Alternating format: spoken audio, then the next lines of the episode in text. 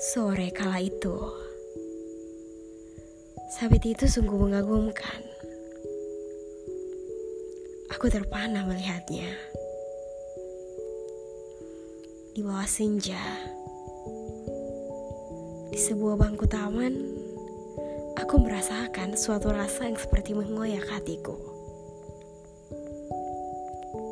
Ingin rasanya meminta pada waktu memintanya untuk berhenti sejenak. Pintaku pada Sang Maha Hebat agar membiarkanku merasakan rasa ini sedikit lebih lama. Bersama dia,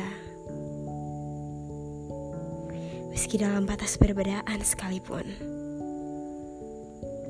Ya, bersama dia semestaku.